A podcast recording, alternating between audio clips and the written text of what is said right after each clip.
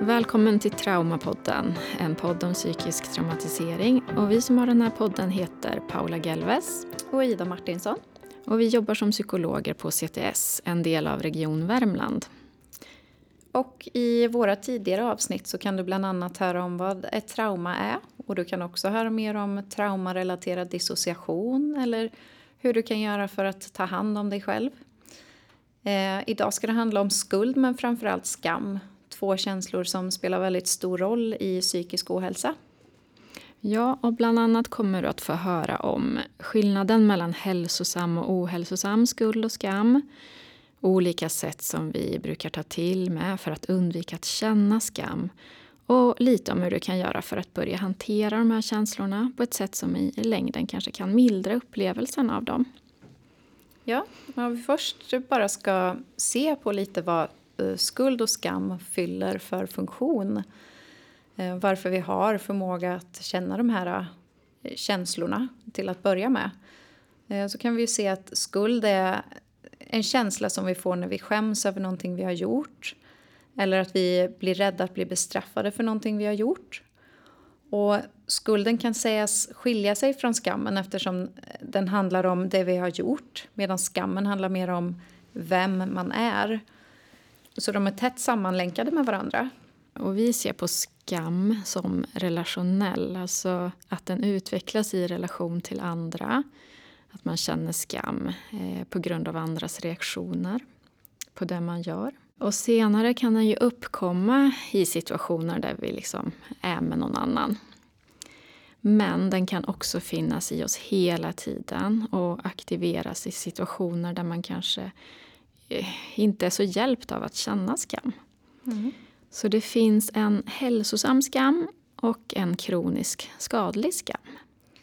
Om vi ska börja med att gå lite djupare in i hälsosam skam, varför vi ens har förmågan att känna skam, så är det ju faktiskt för att lära sig vad som är rätt och fel med hjälp av trygga stöttande relationer. Om vi som litet barn till exempel har klättrat upp på ett bord och är på väg att ställa oss upp på bordet, då är det också viktigt att det finns en vuxen där som bestämt talar om för oss att det inte är okej. Okay.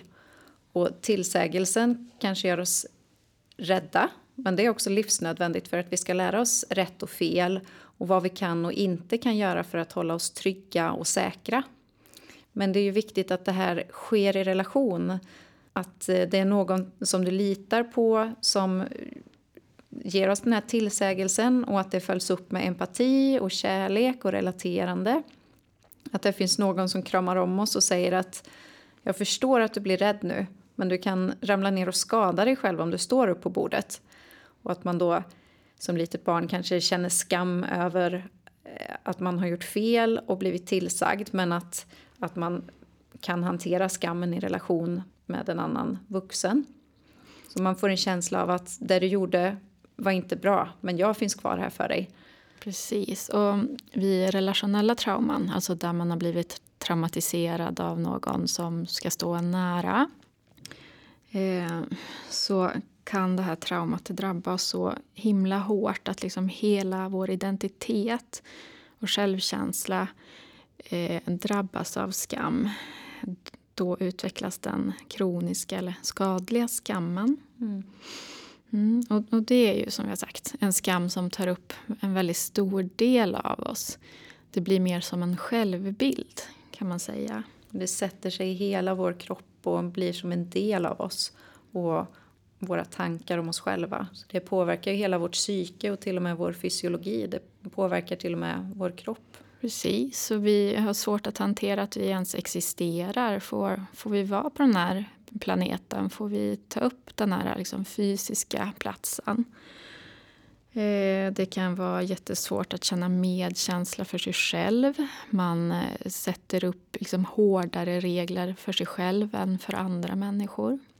Ja, och det kan handla om en, en ständig förväntan av att, att bli straffad eller tillsagd eller eh, att i relation till andra få veta att man inte är tillräcklig som man är. Men precis, och här behövs det ju ingen händelse heller för att aktivera skammen utan den finns där hela tiden. Och och man är mer eller mindre beredd på att känna skam hela tiden så i relation till andra. Mm. Och vi pratade i vårt förra avsnitt om hur känslor är som en inre kompass för oss och hjälper oss att navigera. Eh, men att, att den här förmågan blir ju väldigt starkt påverkad av trauma. Och eh, har man blivit traumatiserad så har man oftast väldigt stark skam och kronisk skam. Och eh, skam hjälper oss inte att hantera våra känslor och navigera oss fram i livet överhuvudtaget. Precis, för den kroniska skammen blir ju extremt hämmande mm. och gör att vi undviker så mycket i livet. Mm. Om vi ska beskriva mer skuld och eh, dels funktionen av skuld men också när skuld blir skadlig för oss. Så eh, skuld kan ju vara bra för oss. Det, det hjälper dig att anpassa dig till nuet. Eh, om du har gjort fel så är det ju viktigt att du också kan känna skuld för detta så att du kan kanske be om förlåtelse för den du har eh, gjort illa eller erkänna för dig själv att jo, men det jag gjorde nu var inte rätt men... Eh, men jag tar ansvar får... på olika sätt. Precis. Mm. Så hälsosam skuld går ju oftast över när vi tar ansvar för det vi har gjort. När det faktiskt finns anledning för oss att känna skuld. Medan ohälsosam skuld eh, om det handlar om saker som faktiskt aldrig var vårt fel från början eh, och som aldrig får någon ände. Att, att eh, det går inte över för vi kan inte förlåta oss själva för någonting som vi ändå inte är ansvariga för. Om man ser på traumatiserade patienter så, så ser man oftast att, att det har varit ett sätt att hantera en omöjlig situation, att ta på sig skulden för det som hände. Om man ger som exempel ett litet barn som blir utsatt för sexuella övergrepp. Ett sätt att ta kontroll över situationen som känns helt okontrollerbar kan ju vara att lägga skulden på sig själv fast den inte alls är ditt fel såklart. Men att man lägger skulden på sig själv och genom det också kan få en känsla av att om jag bara agerar annorlunda i fortsättningen eller gör annorlunda framöver så kommer det här inte hända mig igen. Vilket ju oftast inte, inte sker såklart. Men genom att ta skulden på sig för något hemskt som händer så känner man också att man har någon typ av kontrollkänsla i det. Mm. Um, Precis, man, eh, om man börjar titta lite på ifall man hade några valmöjligheter i situationen så kan man ju ofta se att, att skuldkänslan man har är oproportionerligt stora till de valmöjligheter man hade. Mm. Om vi ska återkomma lite mer till skam nu då så, och prata lite mer om hur den kroniska skammen kan komma att utvecklas hos en person. Och då, då, du nämnde i början, Paula, att, att eh, vi ser på skam som relationell. Och med det menar vi ju att, att skam oftast uppstår i relation till någon annan. Som exempel så eh, kontrolleras du som litet barn genom att förnedras eller hånas. Eh, om, om vi tar det här exemplet, det lilla barnet som klättrar upp på bordet och ställer sig. Om det istället för en stark tillsägelse och empati och kärlek om det istället möts av en stark ilska och att någon kanske rycker ner barnet från bordet och talar om för oss att vi är fel och avskyvärda som kan göra något sådant. Att någon argt säger att vad är det för fel på dig, stå inte på bordet din idiot. Eh, att vi som personer blir skammade istället för det vi gör. Eh, Mm. Och att vi sen inte blir omhändertagna i den här rädslan som uppstår när någon säger till oss utan blir lämnade ensamma i det.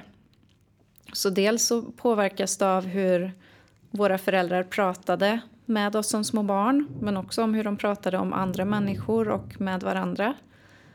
Och sen kan det också vara mer subtila saker. Om du blir slagen som litet barn så är det ett annat sätt att tala om för dig att det är fel på dig som person och inte sakerna du gör eller så utan det är mm. du som är fel. Och det räcker ju med blickar eller suckar för att, för att eh, ett barn ska få den känslan av att det skulle vara något fel på, på dig som person. Mm, precis, eller att din förälder aldrig verkar ha tid för dig eller att den prioriterar annat. Och den absolut säkraste reaktionen eh, när man känner skam kring vem man är, blir skammad för den man är. Det är ju att tystna, att vända sig inåt och att göra sig själv så, så liten som möjligt. Mm. Och sen är det ju såklart också andra personer som kan orsaka en kronisk skam hos en. Alltså det kan ju också vara alltså vänner under uppväxten eller andra vuxna. Eh, som också är betydelsefulla för dig, som kan få den här effekten. Mm. Kronisk skam det kan ju medföra att du har svårt att känna att du har en egen vilja eller egna behov. Att du känner så stark skamkänsla gentemot vem du är som person att du heller kan ha svårt att få fatt i vad du vem du är eh, och vad du har för eh, förhoppningar om livet och vad du vill med ditt liv och, och vem du är i relation till andra. Det påverkar en på så väldigt många plan med den här kroniska skammen. Mm, precis. Eh, och skam är ju otroligt svårt att vara i de flesta av oss tycker att det är en väldigt jobbig känsla. Besväras man mer av den här kroniska skammen så kan man se att det finns liksom som olika sätt att försöka skydda sig mot skamkänslan. Och då tänkte jag lite på det här exemplet eh, som är lite tvärt det du precis pratade om. Det här när man inte har några behov eller liksom inte kan hävda sig själv. Mm. En strategi är ju att attackera andra som ett sätt att förlägga sin egen skam utanför sig själv. Alltså att man alltid tänker att det är alla andra som har gjort fel. Eh, hamnar du i en situation där du skäms så kanske du omedelbart liksom försöker skambelägga den andra personen, att det är den som gör fel. Och, och, och din motivation är ju att att försöka behålla självkänslan intakt genom att lägga den här skammen utanför dig själv. Man kan också se hur, hur man som ett försvar från skammen kan välja att istället dra sig undan från andra. Att, att du tänker att det är sant att du inte är tillräcklig eller inte bra nog som du är och att du då utgår ifrån att andra kommer att värdera det negativt så som en lösning på det här så drar du dig undan, undan andra människor. Du undviker att skapa nya relationer med människor så att skammen inför dig själv och, och vem du är inte ska aktiveras. Precis. Eh, och eh, ytterligare en strategi för att försöka undvika skam är ju att attackera självet. Alltså att man har sanningar om sig själv, så kallade grundantaganden om att man är väldigt dålig och värdelös och borde skämmas och känna skuld.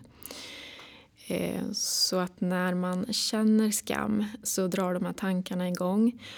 Och motivationen här är ju att de här tankarna ska göra att man gör bättre nästa gång. Man vill uppnå perfektion, att aldrig göra något fel. För att på så sätt aldrig hamna i situationer som kan bli pinsamma och väcka mm. skam. Att ingenting annat än att vara helt perfekt är okej. Okay. Mm, precis. Och det vi pratade om i, i förra avsnittet är undvikande av inre upplevelser. Vissa har den strategin att så fort någonting blir skamfyllt så vill man gärna eh, distrahera sig. Alltså man pratar om någonting annat. I terapin kan vi se det hos patienter som hela tiden väljer att prata om någonting annat när vi kommer in på skam eller mm. svåra eller börjar händelser. skämta kring det skamfyllda för att det ska kännas mindre farligt eller att vi ska bli mindre rädda. Och det här sker ju oftast omedvetet tänker jag. Mm, men ja. någonting som vi tydligt ser också. Ja, och att kunna skämta om saker är ju väldigt viktigt. Det är ju inte det vi säger men man behöver också kunna eh, gå in i det som är svårt också. Mm. Inte bara skämta om det. Mm. mm. Och även mm. här då, om man besväras av dissociativt syndrom så kan ju olika delar av dig ha olika strategier för undvikandet av skam. Mm. Olika delar av dig kan, kan vara olika besvärade av skam och skuld. Mm. Eh, vissa delar kanske inte alls besväras av det medan andra är djupt besvärade av det. Ja, om du är i din tonårsdel så kanske du är mer benägen att attackera andra när du känner skam. Men om du är i en yngre del så kanske du attackerar självet eller drar dig undan. Mm. Jag tänker någonting som vi eh, ofta hör och märker av i terapier är ju skam och skuld. Men framförallt skam som faktor för att man inte lämnar en, en farlig eller destruktiv relation. Och vi tänkte ju prata lite mer kring det. För det är ju så att vem som helst kan hamna i en destruktiv relation.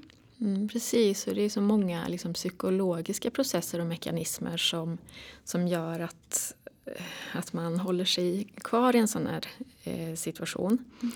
Eller relation, om vi tar exemplet att eh, du från början då träffar någon som du blir jättekär i. Eller kanske bara lite intresserad men plötsligt så har den här personen gjort sig väldigt viktig för dig. Och det är väldigt bra ett tag. Men efter ett tag så börjar den här partnern att kommentera olika saker. Kanske hur du klär dig eller hur du gör i vissa situationer. Dina vänner. Och du känner att du börjar skämmas för dig själv. Och, och du börjar liksom att anpassa dig till din partner. Du kanske undviker att ta på dig den där äh, jättefina klänningen för att din partner inte tycker att den är fin. Ja, och det kan ju också se ut som så att, eh, att din partner uttrycker att, att du har gjort saker som sårar hen. Um, och genom att ge dig skuldkänslor så får din partner ännu mer kontroll över dig. Och det här kan ju också sluta med att, att partnern kanske hotar med att ta livet av sig om du börjar prata om att du vill lämna relationen. Eh, och det är ju svårt att inte känna skuld vid ett sånt hot. Eh, och en partner kan också göra att du känner stark skuld och skam genom att anklaga dig för att flörta med andra eller använda nedvärderande ord för att trycka till dig. Mm. Och det är svårt att liksom, beskriva hur starka de här mekanismerna är med, med de här exemplen vi tar nu. Men i alla fall, alltså din partner blir ju en viktig person för dig. Eh, och du kommer lyssna på vad den säger. Eh, och du kommer vilja göra den till lags. Så så blir liksom skuld och skam saker som håller fast dig i den här relationen. För det blir också viktigt för dig att, att göra rätt och få liksom, bekräftelse. Mm. Mm. Och den här typen av relation kan ju vara än svårare att ta sig ur om man dessutom under uppväxten har blivit starkt skammad. Om man även som liten har fått höra eller fått känslan av att man inte är tillräcklig, eh, att man är hopplös eller till och med avskyvärd. Att det kan, om man då som vem som helst kan råka hamna i en destruktiv relation men om man dessutom har med sig en känsla av, av skam över vem man är sen tidigare så kan det bli så att man känner att ja, men jag förtjänar att behandlas illa eller att man lägger skulden på sig själv att partnern beter sig som den gör. Att det blir svårt att, att sätta gränser som är hälsosamma för dig Eh, och att du kanske lägger skulden, att du har lättare för att lägga skulden hos dig själv. En känsla av att det är ditt fel snarare än din partners. Så vad kan man göra då för att eh, få hjälp att hantera sin skam? Och då tänker vi att, att man först och främst behöver hjälp att öka förmågan att lyssna på sina inre behov. Och till en början att se på basala behov. Alltså att lära känna sig själv genom att börja lyssna på sin kropp i form av att när är jag hungrig? När behöver jag gå på toaletten? Vad vill jag äta just nu? Att, att på grunden börja lära känna sig själv och sina behov. Och sen eh, fortsätta den här, det här utforskandet kring vårt känsloliv. När, när känner jag glädje? När blir jag arg? När blir jag rädd? Mm. Så att vi så småningom kan våga närma oss den, den känsla av skam vi känner för oss själva och, och se vart kommer den ifrån och, och vad handlar den om. Mm, att genom att lära känna oss själva bättre så kan vi också så småningom komma åt den här känslan av skam kring vem vi är. Mm. Man kan ju börja tänka lite på om man har någon av de här undvikande stilarna vi pratade om. Eh, och är det olika delar av dig som har olika stilar? Vad har du för sanningar om dig själv? Eh, vad, vad har du för grundantaganden som som framkallar skam. Och det är ju så att Eftersom de första känslorna av skam högst troligen uppstod i relation till andra så är det också i relation till andra som, som läkning kan ske. Um, så ett första steg är att därför, kanske i en terapi, uh, våga se på skammen tillsammans med någon annan och vara redo att möta de här svåra känslorna för att komma åt och kunna jobba med dem. Mm. Och om vi ska säga någonting om skuld också. Mm. För att komma åt den skadliga skulden så är det en god idé att försöka utveckla lite mer empati för sig själv. Mm. Kanske börja titta på den om den är alldeles för stor i relation till vad det var som hände. Är den realistisk? Mm, Skulle du tänka likadant om någon annan, om den var liksom i dina skor? Skulle du tycka att den hade lika mycket skuld? Ja, det kan ju ofta vara ett, ett väldigt effektivt sätt att, att komma åt och se på vad man själv har för eh, känslor av skuld gentemot sig själv. Att, att se det ur en annans perspektiv. Eh, det tycker jag ofta är väldigt verksamt. Att, att man då ser, nej men jag skulle aldrig skuldbelägga någon annan för det här eller det här. Men varför gör jag det då eh, gentemot mig själv? Mm. Att, att det perspektivet kan vara väldigt verksamt för att ja. få fatt på mer känslor av empati. Precis, och tycker du kanske att andra får göra fler fel än vad du får? Får andra fela mer än vad du får? Mm. För en realistisk skuld handlar ju om att, att du tar ansvar för det du har gjort och du erkänner att du har gjort det och försöker ta lärdom av det som hände och att du också kan, kan förstå varför det hände och kan förlåta dig själv mm. om det är du som har gjort någonting. Men också se när det inte är ditt fel att någonting har hänt. Mm. Och lägga skulden där den hör hemma. Så, vi avrundar där. Mm. Och I det här avsnittet så har vi då pratat lite om skuld, men desto mer om skam. Och det här är två viktiga känslor och upplevelser som spelar väldigt stor roll när man har blivit traumatiserad och som är väldigt viktiga att få syn på för att börja må bättre. Så hoppas den här informationen kan hjälpa dig i din resa mot mer kunskap om dig själv och bättre psykisk hälsa. Och om du vill söka vård så kan du kontakta din vårdcentral eller öppenvårdspsykiatri närmast där du bor. Kontaktuppgifter hittar du på webbplatsen 1177.se. Jag heter Ida Martinsson. Och jag heter Paula Gelves. Tack så mycket för att du har lyssnat på Traumapodden. Hej då!